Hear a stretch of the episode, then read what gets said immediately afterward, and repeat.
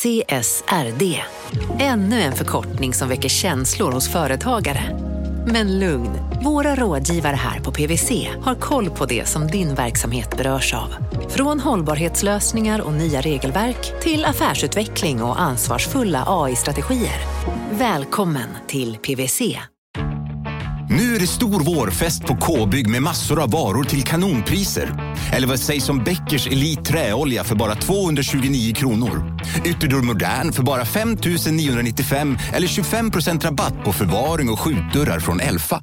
K-bygg. Bygghandel med stort K. Välkommen till Momang, ett nytt smidigare kasino från Svenska Spel, Sport och Casino där du enkelt kan spela hur lite du vill. Idag har vi Gonzo från spelet Gonzos Quest här som ska berätta hur smidigt det är. Sí, es muy excelente y muy rápido. Tack Gonzo. Momang, för dig över 18 år. Stödlinjen.se. Berätta, du hade någon idé? Nej, men jag tänkte, jag höll bara på att klippa eh, CTO Larsson del två. Och så bara kände jag så här, fan vi borde bara säga någonting eh, innan. bara typ hej välkomna eller någonting. Så tänkte jag, vi, eh, det blir lite trevligt att göra det över telefon, tänkte jag. Ja. Ja, bara något sånt.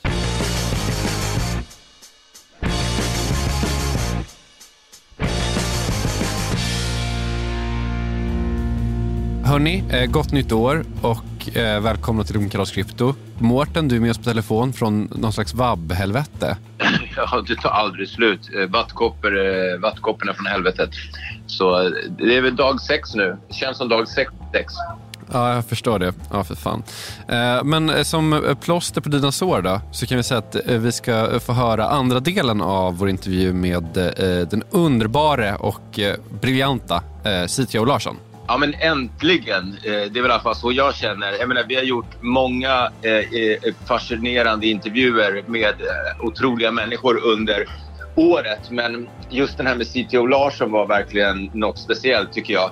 Och det, det var därför den blev i två delar också. För vi, vi ville inte klippa bort massa saker ju. Och eh, det hade blivit alldeles för långt med ett avsnitt. Så ja, äntligen eh, avsnitt två.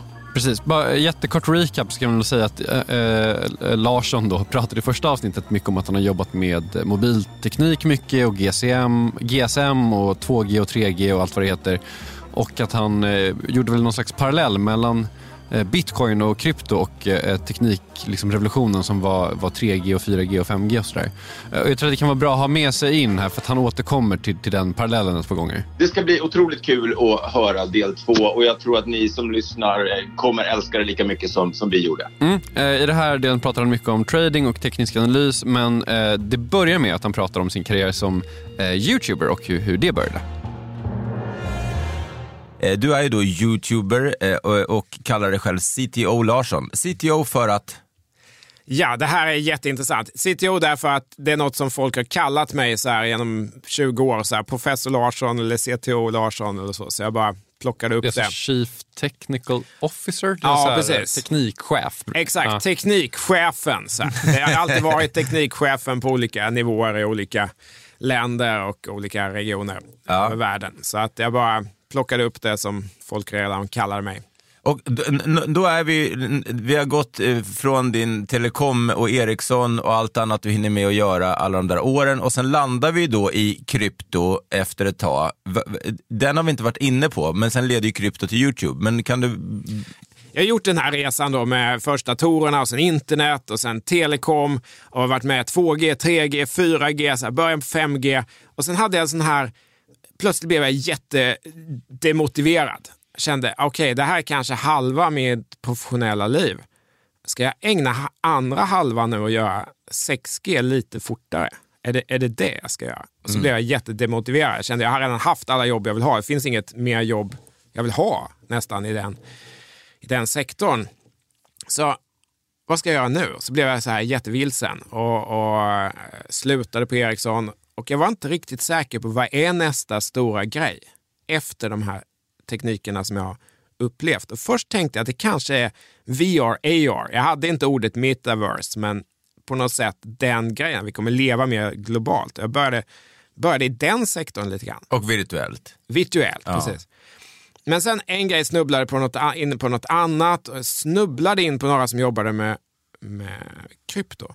Och jag började läsa mer på det och mer på det och insåg att det är, det är ju blockchain som är den nästa stora teknologisprånget. Och då, jag släppte allt annat, bara, jag, måste, jag måste läsa allt, jag måste förstå allt. Så det här var ganska sent, det var 2017, så jag var inte inne i bitcoin från 2010. Jag hade blockchain på några Ericsson slides eh, tre år innan jag hade, hade ägt några bitcoin 2017. Så jag, jag var ganska sent in på det här, men jag insåg, jag insåg äntligen då att det är det som är nästa stora grej. Och det är en stor skillnad mellan blockchain och de andra tekniksprången, datorerna, internet, telekom.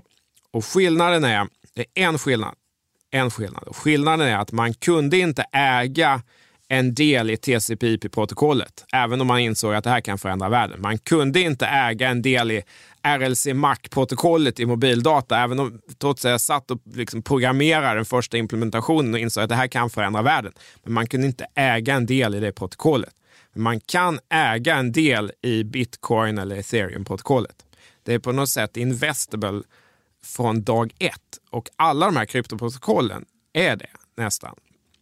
Och det är en stor skillnad.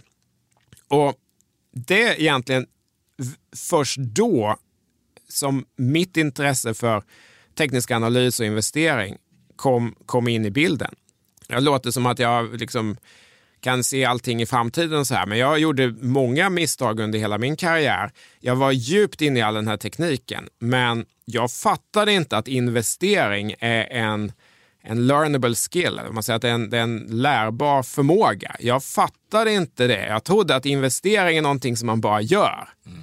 Eh, man och, identifierar ett bra projekt och sen går man bara Ja, exakt. Man. Så att trots att jag liksom var med under 20 år i hela den här internetindustrin, så jag investerade inte i nästan någonting och de gångerna jag gjorde det så gjorde jag så här nybörjarmisstagen. Man köper precis när det är på toppen, när det står i alla tidningar, så tänker man varför har inte jag några? Jag borde ju ha några sådana här också, Amazon. Och så köper ja. man precis på toppen och så går det ner 50 procent, får man panik, säljer på botten och så, nej, det där investeringen ska jag inte hålla på med något mer.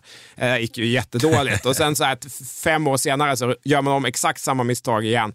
Och så, så att, trots att jag under hela min liksom, 20 år karriär, eh, eller 30 år eh, vuxna liv, hade liksom rätt hela tiden om vad som kommer bli något, så hade jag inte när. Man måste ha både vad och när rätt. Och jag fattade inte att näret, det kan man lära sig. Det finns verktyg och det finns metoder, det finns processer, det finns de som har en karriär i det.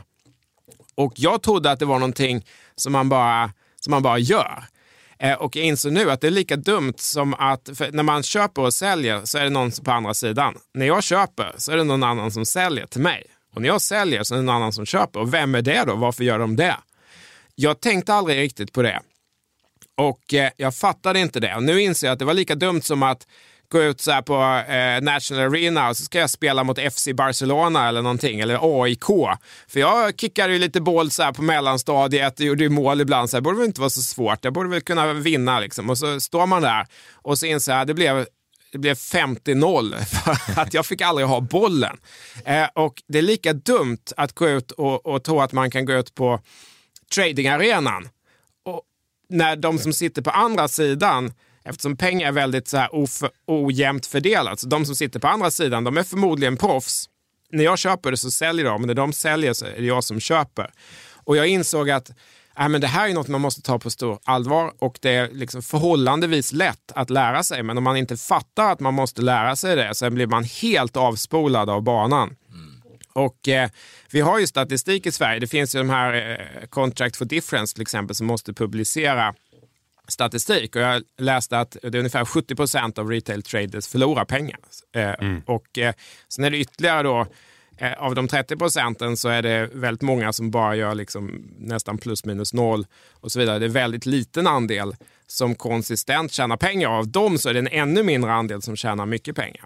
Men det här går att lära sig. Och då, det var först då när jag fattade det, jag insåg att jag måste ta det här på samma allvar som, som teknik eller vad som helst. Läste allt så här, försökte få kontakt med alla, pratade med alla eh, och, och, dök in i det här med samma entusiasm som jag gjort i allt annat. Och, och eh, insåg att jag kan egentligen kombinera det här med min förståelse av teknik, hur teknik utvecklas. För det finns, i global teknik så finns det bara två outcomes. Antingen så blir det succé eller så går det till noll. Det finns ingenting däremellan.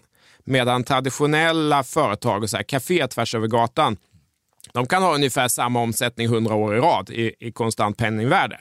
Men global teknik kan inte det. Det finns inget mellanläge. Antingen så blir det världsdominerande eller så går det till noll. Och man vet då att det kommer trenda väldigt länge. För det kommer det göra då. Det kommer inte gå över natten utan det kommer fortsätta trenda eh, decennier kanske, eller år i alla fall i ena eller andra riktningen så kan man då på något sätt kombinera det med lite verktyg och eh, så kan man se till att man behöver inte hålla på vägen ner, man håller på vägen upp eh, och eh, skydda sitt kapital och man kan liksom utveckla metodiker runt det här. Jag blev jätteintresserad av det och försöker kombinera då de här teknikinsikterna med som är vadet med näret som är eh, när ska man köpa och sälja? Och det visar sig då att om man bara lär sig lite grann så är det oerhörd skillnad jämfört med att inte kunna någonting. För då är man den här liksom som kickade boll i mellanstadiet och går ut och försöker spela mot FC Barcelona. Det kommer gå åt skogen. Eh, även om man lyckas i bullmarketen så kommer man förlora alla pengarna i bear marketen sen. Eh, och eh, jag kände ett, jag kände att jag måste dela den här insikten. Jag måste dela den här insikten med andra. Och det var egentligen därför jag började den här Youtube-kanalen. Jag kände att jag, jag, jag, kan, jag kan dela den här insikten och, eh, med andra och försöka ge tillbaka lite som min pappa gav den här datorn då när jag var 11. Jag vill liksom ge tillbaka den här insikten. Tänk om någon hade sagt det till mig eh, för 25 år sedan. Att ja, men, läs en bok om teknisk analys. Så, läs en bok. Här är en bok. Läs den. Eh, och så applicera det på de här alla teknikföretagen som du redan är intresserad av. Vilken effekt det hade haft. Och det här kommer inte förändra sig. Det här kommer inte, utan liksom global teknik kommer gå upp, det kommer gå ner, det kommer gå i cykler. Teknisk analys är inget hokus pokus. För att säga, men jag tror inte på teknisk analys. De har inte fattat någonting. Teknisk analys är bara ett sätt att försöka avslöja vad de större spelarna gör istället för vad de säger. För att... Man vill hitta FC Barcelona menar du? Och se hur de, vad de har lagt för strategi. Exakt. Hur de tränar. Man vill, ja, exakt, man vill så här, smyga in så här i omklädningsrummet när de har coachat och så lyssna på vad det är de, vilken strategi de har. Sen eh, göra då liksom, för det är kanske tvärtom mot vad de säger. De går ut och säger liksom, ah, vi ska spela defensivt eh, idag. Vi, eh, så, Fast vi är ändå elva spelare, han är bara en. exakt. exakt. Så och vi har Messi. Så Men... då kan man liksom avslöja då vad som händer. Om det är en så här head and shoulders topp, ja då är det är någon som säljer. Det är någon som säljer stora volymer. Varför gör de det då? Eh, och så vidare. Man, liksom, ganska support and resistance betyder bara prisnivåer. Folk kommer ihåg att äh, jag köpte på 100, så kommer det till 100 igen så kanske jag gör något då. Jag kanske säljer då eller jag köper mm. igen eller någonting så här. Det, liksom, det, det, det är inget hokus pokus, det är bara ett sätt att försöka avslöja vad, vad de stora spelarna på marknaden gör. För om mm. man lyssnar på vad de säger så kommer de inte säga vad de gör. För det är ju tvärtom i deras intresse. Om de vill köpa så försöker de kanske snacka ner priset. Om de ska sälja försöker de kanske snacka upp det för att det ska bli likviditet eller till och med högre pris. De kan sälja till ett bättre pris. Så mm. det, är bara ett, det är bara ett sätt att avslöja det här och sen då man kan gå därifrån till att inse att man ska hålla på vägen upp och inte på vägen ner så har man kommit väldigt, väldigt mycket längre än, än de allra flesta. För de flesta kommer göra om samma misstag i varje cykel. När det är, när det är peak hype, när alla pratar om bitcoin kommer gå upp för alltid. Så här, det är då retail kommer köpa och då kommer de köpa på toppen. Och sen så börjar det gå ner och då tänker de att äh, men det vänder ju snart, det är bara en dipp, jag borde köpa mer. Och så håller de liksom hela, hela vägen ner. Och sen är alla deprimerade och säger att äh, det var slut, det var bara en bubbla trots allt. Det var bara, det var bara, de hade rätt, de som sa att det var en bubbla. Ja, då börjar jag sälja det sista jag kvar, liksom ta hem lite pengar i alla fall, så säljer man på botten och så mm. liksom, gör man om alla de här misstagen.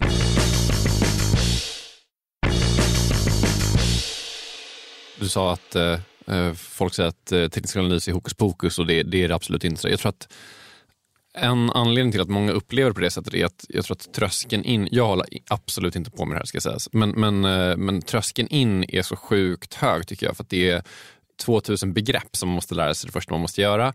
Och sen så pratar folk generellt om typ så kurvor som om det vore typ djur med liksom en egen vilja i princip. Och att eh, medan det ju egentligen handlar om, precis som du beskriver, är ju att försöka se vad stora spelare gör. Och Jag tycker att folk förklarar aldrig det för en, utan det, det är bara typ så Finding resistance at 60 000. Man bara, vadå resistance? vadå? Alltså, Bitcoin har ingen egen vilja. Eh, och alltså, jag, jag, jag kan uppleva, vi har också sett liten varning faktiskt till lyssnare. Alltså så här, jag har sett många personer, mer i börshandeln än bitcoin, men du vet så, ge sig in i teknisk analys och torska fett mycket pengar för att de inte vet vad de håller på med och de tror att de har sett igenom allting. Alltså så här, ska man ge sig in i teknisk analys-gamet ska man nog vara rätt säker på vad man håller på med ändå. Mm. Ja, men absolut. Och sen så finns det ett problem till. Att veta vad man ska göra och att faktiskt göra det är inte samma sak. De, de flesta människor, det är ju många studier på det här. Om man, om man lär ut några basbegrepp, ett par timmar, ett par timmar information bara, så kan de flesta i en simulerad miljö konsistent tjäna pengar. Om jag, om jag berättar, okej så här ser en head and shoulder ut, så här ska du, du få min indikator, så här Larson line kan du följa när trenden är upp eller när den är ner. Bara, bara gör några sådana grejer. Då kan de flesta i en simulerad miljö konsistent tjäna pengar, vilket är stor skillnad från inte veta någonting. Men att veta vad man ska göra och faktiskt göra det, det är inte samma sak när det är riktiga pengar. När det är liksom samma pengar som man köper mjölk för. Och eh, när känslorna kanske kommer in. stora pengar på spel. Man kanske varit med och gått upp och man börjar identifiera sig med det här myntet. Någon kanske har varit med på något, något, eh, något eh, coin som har gått upp jättemycket och de börjar känna att det är en del av deras identitet. Och så vänder det. Det är oerhört svårt att, att sälja kliva av bara och säga men det här, det här var ju deras identitet. Ska de sälja allting nu? Eh, Det verkar inte klokt. Det är jättesvårt. Och samma sak då när det verkligen är depression och alla känner ah, att det kommer gå till noll nu. Så det är jättesvårt att gå in och köpa då. Även om man kan liksom analysera att det här är ett bottenmönster. Så det är egentligen det steget är nästan svårare. Eh, man kallar det trade execution. Eh, det är två steg. Det är två steg att lära sig trading. Det första är att ha en plan och det andra steget är att följa den. Och det an- andra steget är svårare. Det låter som ett skämt, men det är inte så. Och eh, det jag försökte göra då med, med min indikator är att göra det mycket tydligare. Så här. Det är gult, jag har så här blåttligt gult, svenska flaggan.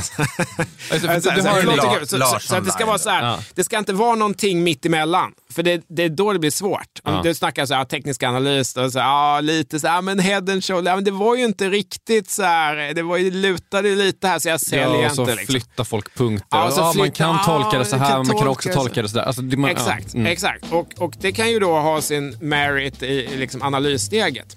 Men det kan också göra då att när det är dags att trycka på knappen och trycka på säljknappen så trycker man inte på knappen. För att man har liksom förklarat för sig själv att det var ju bara lite och den här och andra, ena sidan, andra sidan och så här. Så det jag försökte göra var att det ska vara så här odiskutabelt.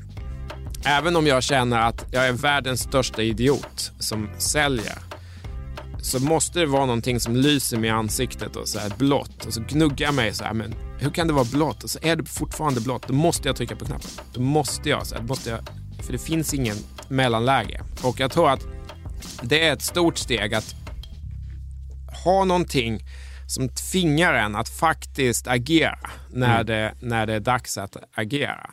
Om du får ge ett tips, teknisk analys till, till de som lyssnar på det här. Ett, det, det absolut viktigaste, vad skulle du säga att det är då? Det är att håll, håll på vägen upp och inte på vägen ner. Det låter som, det låter som uppenbart, men... eh, Vad menar du? Exakt, så det betyder då att eh, om man kommer in och har en winner, den börjar, den börjar så här gå upp. Det nybörjaren gör att man säljer för tidigt. Man känner att jag måste ju sälja nu innan pengarna försvinner igen. Man ska inte göra det. Man ska fortsätta hålla sina winners hela vägen. Och Det kan vara trades, om man tittar på Amazon eller någonting, det kan vara 20 år. Hålla i 20 år. Men vad Äh, gör en, men, nu avbryter men vad, gör en winner? För vi tar till exempel, eh, jag kan ta mig själv som ett exempel. Jag är ganska investerad i EGLD som har haft en helt otrolig vecka och gått upp massor och den håller jag, men den håller jag också på, på fundamenten därför att jag, det är en så otroligt stark eh, coin. Men sen har jag en annan grej som ligger på Luna som heter PSI och den var ju uppe på hur mycket som helst och den har gått då från 0,5-0,6 eh, ish Eh, vi gör det enkelt, det är egentligen nollor mellan där också. Men mm. till eh, 0,09, alltså det, det är tapp på typ 80 procent eller något sånt där. Exakt. Hade, ska, ska jag liksom, hur, det är två helt olika exempel då på hur det kan gå och jag trodde också att det var en winner. Är det då att den jag har gått in i inte är tillräckligt stark eller hur borde jag ha agerat? Precis, så att vid något tillfälle där, nu har jag inte datorn på här, men vid något tillfälle där så har trenden vänt ner och då ska man kliva av när trenden vänder ner. För det kan vara så att det går upp det kan, kan gå upp fler, I kryptovärlden då, två år motsvarar 20 år i den riktiga världen. Så, så att, två veckor. Det kan, gå upp så här, exakt, det kan gå upp två veckor i sträck, så här, som är jättelänge. Eh, och, eh, eller två år i sträck kan gå upp hundra gånger, tusen gånger. Men sen när det vänder ner så ska man kliva av. Men det, det är egentligen överkurs. Om man bara kan klara av att hålla kvar i sina vinnare, för det kommer förmodligen gå mycket längre än man tror, och snabbt eh, sälja sina losers istället. Då. Att om det vänder ner, och man börjar förlora pengar, då klipper man den direkt. I, medan nybörjaren tänker, de håller kvar på sina losers istället, tänker den vänder säkert snart. Men det gör oftast inte det, utan trenden är mer benägen att fortsätta än att vända. Så att om den har börjat gå ner 20 procent så kanske det går ner 40 och 60 procent, 90 det kanske går ner 99 procent. Så att det är bättre att klippa sina losers och hålla kvar på sina winners. Medan nybörjaren tenderar jag tvärtom. De håller kvar på sina losers och klipper sina winners. Men eh. bara ett bitcoin-exempel då. Eh, som i bitcoin var jag ändå uppe på 69 000, nytt mm. all time high för ungefär 10 dagar sedan. Ja. Och när vi spelar in nu så är det nere på 56 000. Mm. Då är det ju en klart fallande trend. Men jag skulle inte identifiera det som en loser ändå, att jag borde ha klippt den. Utan jag ser ju den på extremt lång sikt och, och håller. Jag tror också det. Att man ska ju se då att om, om det är klart om man, om man köpte då på 60, 65. Mm. Man köpte på 65, det var första gången man hörde bitcoin.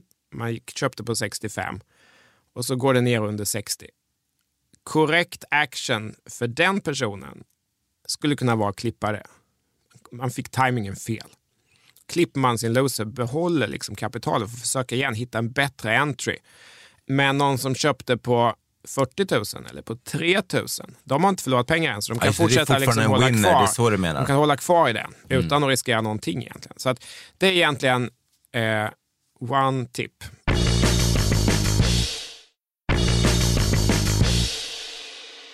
Det är kristallklart att blockchain-teknologin och att kryptovalutor kommer leva vidare, förmodligen mycket längre än vi gör. Det, det är jag helt övertygad om.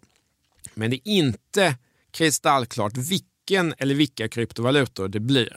Eh, och där håller jag då inte med många andra som säger att det kan aldrig bli någonting som ersätter bitcoin, det kan aldrig bli något som ersätter ethereum. där har jag då en annan upplevelse från de här telekomprotokollen. Eh, utan det är så att om någonting är, då säger folk, ja, men, eh, även om något kommer som är bättre så kan det i alla fall inte ersätta då, för då tar man upp så här VHS Betamax eller någonting. Men grejen är att om det är lite bättre så räcker det inte. Om någonting är, är lite bättre. 3G blev aldrig det största mobildataprotokollet. Trots att det var mycket bättre än 2G.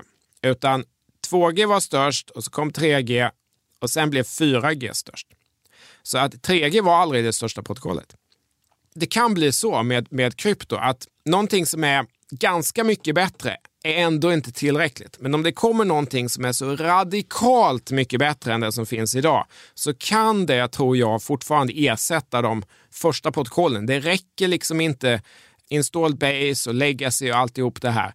Historien har visat att det räcker inte om någonting är så ofantligt mycket bättre så kan det fortfarande ersätta. Och det tror jag att jag är liksom pro innovation. Jag, jag tror att innovationskraften kommer fortsätta. Det, kommer, det som kanske är största kryptovalutan om 20 år, det kanske inte ens är uppfunnit än.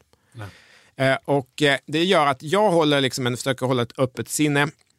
Eh, inte vara så säker på vilken kryptovaluta det blir, utan det här kan kanske ändras flera gånger under vår, vår eh, eh levnadstid. Ja. Vår, exakt. Och det är ganska svårt att förutsäga exakt vad som kommer hända, för det kan vara tillfälligheter eller det kan vara små butterfly-effekt som gör att någonting får fart och så vidare. För vi ska komma ihåg att bitcoin är fortfarande otroligt litet. Det är otroligt litet. Om man, om man, hur, I vilken, vilket avseende menar du? Om man jämför då med hur många, hur många mobilabonnemang finns det då? Så här 8 miljarder, 5 miljarder individuella människor. Och så kollar man hur många har använt bitcoin. Om man då sen inte räknar med bara spekulation på det utan faktiskt använt det till någonting. Så är det kanske 100 miljoner människor, 150 miljoner människor. Man ritar det på samma kurva kan man knappt se pricken. Så så tidigt är det då. Att då säga att äh, men det här är så stort så att det kan aldrig bli ersatt. Ja, men kom igen, vi ser det knappt ens. Vi ser knappt pricken på kurvan om vi ritar det i, i samma kurva med folk som har en mobiltelefon. Så vi är jättetidigt, vi är fortfarande så här på NMT-läget, vi går runt med stora en stor eh, väska med mobiltelefon. Det är där krypto är. Och jag tror att innovation kommer fortsätta. Det kan bli jättespännande, det kan komma ännu bättre idéer. Och det är därför det blir så dumt då det här energiargumentet. Så här, men krypto är så dåligt för att det är dåligt för miljön. Och så här. Men det kommer säkert lösa sig på samma sätt som annan teknik förbättras över tid. På samma sätt som vi inte släpper runt på, eh, har ett extra batteri i bilen som man måste släppa med för att ladda sin telefon. Exakt, exakt. Jag älskar bitcoin, men jag, jag, jag, kan inte stänga ögonen för resten. Därför att jag tror att, jag menar det var som någon sa också, det skapades för ganska länge sedan och även under folk som fortfarande jobbar med det i form av uppdateringar och annat så, så är det för mig i alla fall klart att det kommer finnas väldigt mycket andra intressanta projekt eh, som byggs av andra som kanske till och med är ännu bättre. Och det, det är inte alla som håller med såklart. Men i din metafor då så blir det liksom, eh, nej Betamax kunde inte slå ut VHS trots att det var en bättre teknik, men DVD gjorde det. Och Netflix. Det Och blir Netflix liksom så här det. Mm. att säga, ja, okej, man jämför VHS och Betamax. Då var inte Betamax tillräckligt mycket bättre för att slå ut VHS. Men om Netflix hade kommit, då. Ja, då, då hade Så det flugit. det ja. kanske blir så till slut. Och eh, jag har ju sett det här då, man tänker då så här 2G. Inte nog med att det var det största protokollet i hela världen med flera miljarder användare. Det var, Bitcoin är ändå bara mjukvara. Här ska vi tänka också, vi har stoppat en telefon i allas fickor. Vi har byggt miljoner torn med hårdvara uppe i, högst upp i tornet. Vi har byggt liksom en, en hel värld av hårdvara.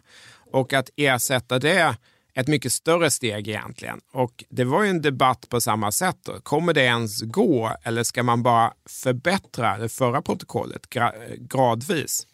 Vilket hände också naturligtvis. Då. Och det gjorde ju då till slut att även trots att någonting som var 3G som var så pass mycket bättre så var det ändå inte tillräckligt mycket bättre för att någonsin bli det största protokollet. Utan det var först nästa generation igen som var ännu, ännu, ännu mycket, mycket, mycket bättre. Som gjorde att liksom, industrin trots allt då liksom bytte till det som det största protokollet. Och så kommer det hända, säkert hända igen med 5G och så vidare. Men jag tror att det är, det är verkligen en parallell som man kan ta till sig med de här blockchain-protokollen. Min största holding är bitcoin. Jag älskar bitcoin. Det var liksom den första innovationen, riktiga uppfinningen. Det är en uppfinning. Eh, Jag älskar det, men jag tror att man ska hålla ett öppet sinne och inte vara så säker på att man kan veta vilken riktning eh, det kommer gå mellan de här protokollen. Det kanske kommer någonting som inte ens är uppfunnet än. Lite ödmjukhet alltså för att avsluta podden. Ja, eh, enormt stort tack eh, CTO Larsson för att du kom hit. Eh, var hittar man YouTube-kanalen? Om man, vad söker man på om man inte redan upptäckt den? Då går man till Youtube och så söker man på CTO Larsson och så vet man då att Larsson stavas med två S. Ja, Den Eftersom är, vi är svin- svenskar. den är väldigt kul jag säga. Jätteroligt. Så eh, med, det tack, eh, med det sagt, jättestort tack Anders för att du tog dig tid. Det var sjukt intressant att Det lyssna var på. jätteroligt, jätteroligt. Otroligt roligt. Min första svenska kryptopodcast. Tack ska ni ha för att ha haft mig här. Det var jätteroligt. Tack så hemskt mycket själv. Eh, Mårten, eh, nästa vecka är jag tillbaka med ett eh, lite mer eh, ordinärt avsnitt. Eh, då hoppas jag att olika barn är friska och sådär. Och, och även du är frisk Ja. för guds skull. Ja, och att, inte, att jag behöver vara med på telefon utan att jag eh, är li, lite mer närvarande på, på alla sätt. Precis. Men eh, ta hand om dig och så, så hörs vi om en vecka helt enkelt. Detsamma kompis. Tack för idag. Tack, Hej. tack. Hej då. Tack för att ni lyssnar.